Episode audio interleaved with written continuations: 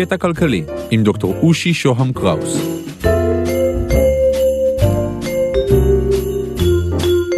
פרק מספר 3 פרויד ופרנצי, הכסף והאסלה.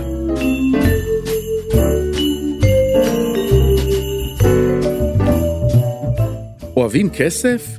חבילות שטרות מגולגלות ליד המיטה, שורות שורות של טורי מספרים בתדפיס הבנק, מתקמצנים על כסף קטן אבל מפזרים בקלילות סכומים גדולים. בואו תשמעו מאבות הפסיכואנליזה, זיגמונד פרויד ושנדור פרנצי חושבים עליכם. פרויד ותלמידו פרנצי האמינו שאהבת הכסף מקורה בשלב ההתפתחות האנאלי בחיי הילד. הנעת העושר היא הנעת ההתאפקות, והכסף, מה לעשות, הוא גלגולה של צואה.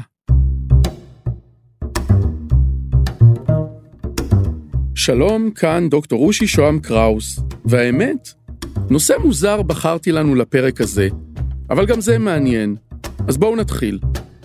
נספר כאן על שני בנים לסוחרים יהודים, שני הוגים אירופאים, שניים מאבות הפסיכואנליזה, זיגמונד פרויד ושנדור פרנצי. הם חולקים קווים משותפים בביוגרפיות המשפחתיות שלהם. פרויד נולד במורביה, כיום בצ'כיה, לאביו יעקב, שהיה סוחר ומתווך, ולאמו אמיליה. בן 17 הוא נוסע ללמוד רפואה באוניברסיטה בווינה, עיר הבירה של הקיסרות הגדולה. לאט לאט הוא עובר לעסוק בהפרעות עצבים ובהיפנוזה, ולאחר שהוא מפתח את התיאוריה שלו על החלומות, הוא הופך לפרופסור באוניברסיטה ומייסד את הפסיכואנליזה. במקביל, לקראת אמצע המאה ה-19, מהגר להונגריה סוחר הספרים היהודי-פולני ברוך פרנקל. הוא מתאקלם במולדת החדשה, נלחם בצבא, ואפילו מהנגרט את שמו מטעמים פטריוטיים מפרנקל לפרנצי. הבן של אותו סוחר, שנדור, הפך להיות אחד משותפיו של פרויד. הוא לומד רפואה בווינה, עובד כרופא בבית חולים בבודפשט, אבל ההיכרות עם הטקסטים של פרויד משנה לו את החיים. פרויד, האבא הגדול של הפסיכולוגיה המודרנית, הופך לחבר, מורה ושותף של פרנצי, עד למחלוקת עקרונית שפרצה ביניהם לקראת סוף חייו של פרנצי. גם פרויד, גם פרנצי, ואיתם עוד מאבות הפסיכואנליזה, ידועים בעיסוק במיניות. אדיפוס המסכן, גיבורו של סופוקלס, שאהב את אמא והרג את אבא, נגרר אל חדר הטיפולים, ולפי פרויד, נמצא איכשהו בתוך המבנה הנפשי של כל אחד מאיתנו. יחד איתו באה אלקטרה וקינת הפין וחרדת הסירוס ומושגים רבים אחרים שהיוו את היסוד לתיאוריות פסיכולוגיות ספק מפוארות ספק מגוחכות. והנה, בעקבות מאמינים בני דתות שונות שנוטים לעסוק באופן אובססיבי בפתחים ובסוגרים של הגוף, באוכל ובהפרשות השונות, מוקסמים גם אבות הפסיכולוגיה מהנושאים האלה. מה אוכלים ואיך אוכלים, ובמיוחד מה פולטים ואיך פולטים. כמו כל הנחקרים שלהם, גם אבות הפסיכולוגיה אוהבים לשחק, באופן תאורטי כמובן, בקקי.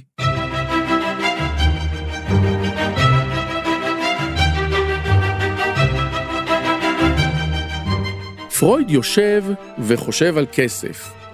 וזה מה שהוא אומר. לאורך כל ההיסטוריה האנושית, באגדות, במיתוסים ובכלל, מתייחסים לכסף כאל זוהמה. מלווים בריבית, קמצנים ועשירים, כולם דמויות שליליות, צנועות, קריקטורות של חמדנות. והכסף עצמו, שאותו אנחנו כל כך רוצים, מוצג תמיד באופן אמביוולנטי. אנחנו רוצים ושונאים, מתאבים וסולדים, כמה טוב להיות עני וטהור, יגיד בן תקופתו של פרויד, ובליבו יחלום על השטרות האלה היפים שאפשר לקנות בהם כל כך הרבה הנאות. והנה, פרויד, איש ההשוואות המיוחדות, מוצא קשר בין הכסף הנתפס כמזוהם לבין מקומות אחרים, איך נגיד, לא כל כך נקיים בחיים שלנו. פרויד מקשר את השלב האנאלי, שבו עיקר ההנאה הגופנית של התינוק מתרכז בעשיית הצרכים, ובפי הטבעת, הוא מקשר את הדבר הזה לתכונות מאוחרות יותר, כמו קמצנות, נוקשות ועקשנות. מטופלים בעלי תכונות כאלה, ככה פרויד מאמין, הם אלה שהתעקשו בילדות, פשוט לא להתפנות. כבר אז הם אהבו לאגור.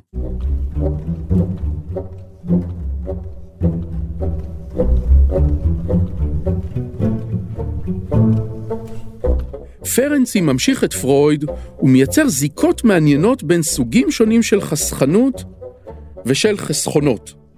הנה הוא טוען, הילד שלא מוכן לעשות את הצרכים שלו, מפיק הנאה פיזית מלשמור עליהם בפנים.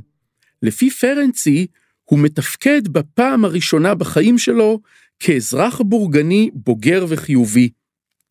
בעצם, הוא מייצר לעצמו למעשה את החסכונות הראשונים שלו. הבטן או המעיים הם קופת החיסכון הראשונה שלנו בחיים. וכאן, ימי התינוקות עם הצואה מקבילים לימי הבגרות. יש בינינו שמשחררים בקלות, ויש כאלה שיושבים על העניינים ומתקשים להוציא אפילו פרוטה אחת. ובכלל פרנצי טוען, קקי הוא אחד הצעצועים הראשוניים ביותר של התינוק. אבל איך הופך תינוק חובב הפרשות לאזרח ממושמע שעומד בתור לכספומט? פרנצי מציע מהלך ארוך של הפשטה, מהלך שמתחיל בקונקרטי כל כך, הפנימי והפיזי, בהפרשה האישית, ומסתיים באובייקט מופשט שאליו אנחנו ממשיכים להתייחס באופן דומה, הכסף. ובקיצור, את הילד שמשחק בהפרשות מחנכים לסלוד מהן, אבל את החיבה הינקותית שלו לריח ולאלסטיות הוא מעביר לרפש וללכלוכים מהרחוב. וזה תהליך של התבגרות ושל חברות. כשהילד מתבגר טיפה, הוא מחליף את הדברים המלוכלכים האלה במשחק בבוץ קצת יותר נקי. ואת הבוץ המלוכלך הוא מחליף בחול ים זך וטהור. את החול הוא מחליף באוסף של אבנים שהוא נהנה לאסוף, ואת אלה מחליפות ג'ולות וגוגואים ופוקימונים וקלפים של שחקני כדורגל. כל אלה הם אובייקטים שווים, יש להם ערך. הילד אוסף אותם, מחזיק בהם, נהנה לשמור אותם ולהחליף אותם, הוא פשוט עשיר. ומכאן קצרה הדרך אל מטבעות הזהב ואל השטרות ואל הכסף הקטן של ימינו. אז מה? הפרק הזה היה סתם קריקטורה? טריוויה מוזרה? כן ולא. או לא בטוח. נראה לי שאפשר לשאול כאן שאלה עמוקה יותר, והיא, מה המקור של המבנים הכלכליים החברתיים שמקיפים אותנו? האם הכלכלה שלנו היא תוצר מופשט של העולם, או אולי כמו שמציעים פרויד ופרנצי, היא בעצם תוצר של השילוב של מי שאנחנו, ביולוגיה וגם פיזיולוגיה. נחשוב על זה ונדבר על זה בפרקים הבאים. תודה על ההאזנה גם לפרקון המוזר הזה. תוכלו למצוא אותי באושי at ushi.co.il. תוכלו לקרוא לי במסנג'ר של פייסבוק, אושי שוהם קראוס באנגלית, או דוקטור אושי שוהם קראוס בעברית, אני זמין ואשמח לדבר, להתראות.